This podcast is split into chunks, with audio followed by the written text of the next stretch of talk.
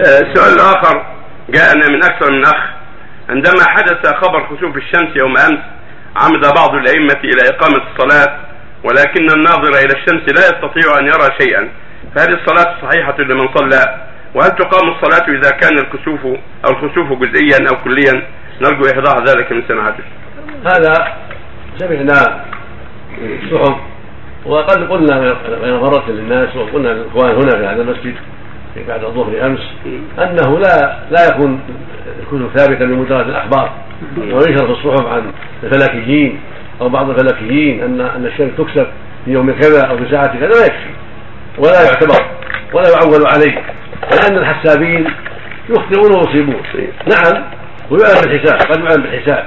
ذكر العلماء أن الخسوفات تعلم بالحساب وأن الحاسب الجيد الضابط قد يدرك من منازل القمر ومنازل الشمس الأوقات التي يكون فيها الكسوف إذا نزلت المنزل الفلاني في الوقت الفلاني. لكنهم قد يغلطون في الحساب وقد يخطئون فأخبارهم تشبه أخبار بني إسرائيل. التي قال فيها النبي لا لا تصدقوهم ولا تكذبوهم.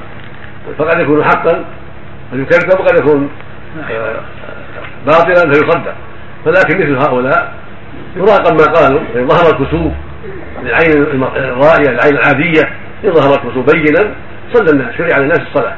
لأن النبي عليه الصلاه والسلام قال إذا رأيتم الناس فافزعوا إلى الصلاة. فافزعوا إلى ذكر الله واستغفاره ودعائه فصلوا وادعوا. إذا رأيتم ذلك أما توهمات أن فيها كذا وأن فيها سواد أو يجعل شيء من المناظر أو درابين أو كذا أو كذا يمر بها هذا لا حاجة إليه ولا يعتبر به وجود كسوف إن ظهر في السماء كسوف واضح شرع للناس الصلاة وإلا فلا. والذين سالناه ونسهم جم غفير يقول ما رأينا شيئا أيوة ما رأينا. الناس ابدا. وهذا كله مما توهمه الناس.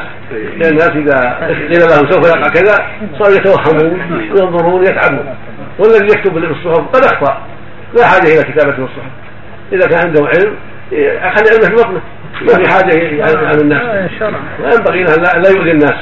لأنه إذا كتب للناس تعذبوا الناس وربما ترك بعض الناس حاجاته يظن أنه صادق.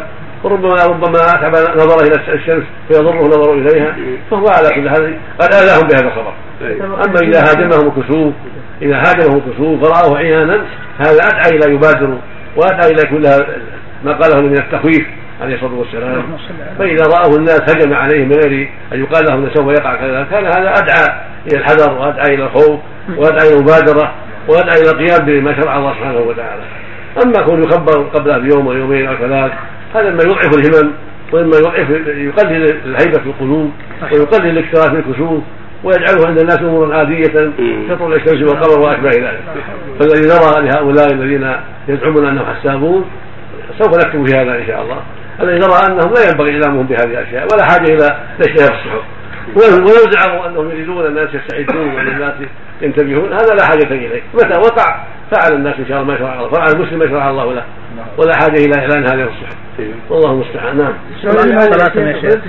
نعم تنجيم هذا نعم. تنجيم لا مو تنجيم يدرك الحساب. لكن لا حاجة إلى نشره